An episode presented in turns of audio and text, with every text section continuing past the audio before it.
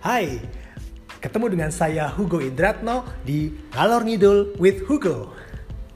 Kenapa ngalor ngidul? Ya, em, karena kita akan ngobrol macam-macam dan kalau ngobrol itu kan kita memang eh, topiknya bisa lompat-lompat. Ah ya, ini juga bilingual podcast. Apa itu? Podcast yang dua bahasa atau kadang tiga bahasa Inggris bahasa Indonesia bahasa Jawa kadang-kadang. Okay so this is a bilingual podcast so I can talk in Indonesian or English and a bit Japanese.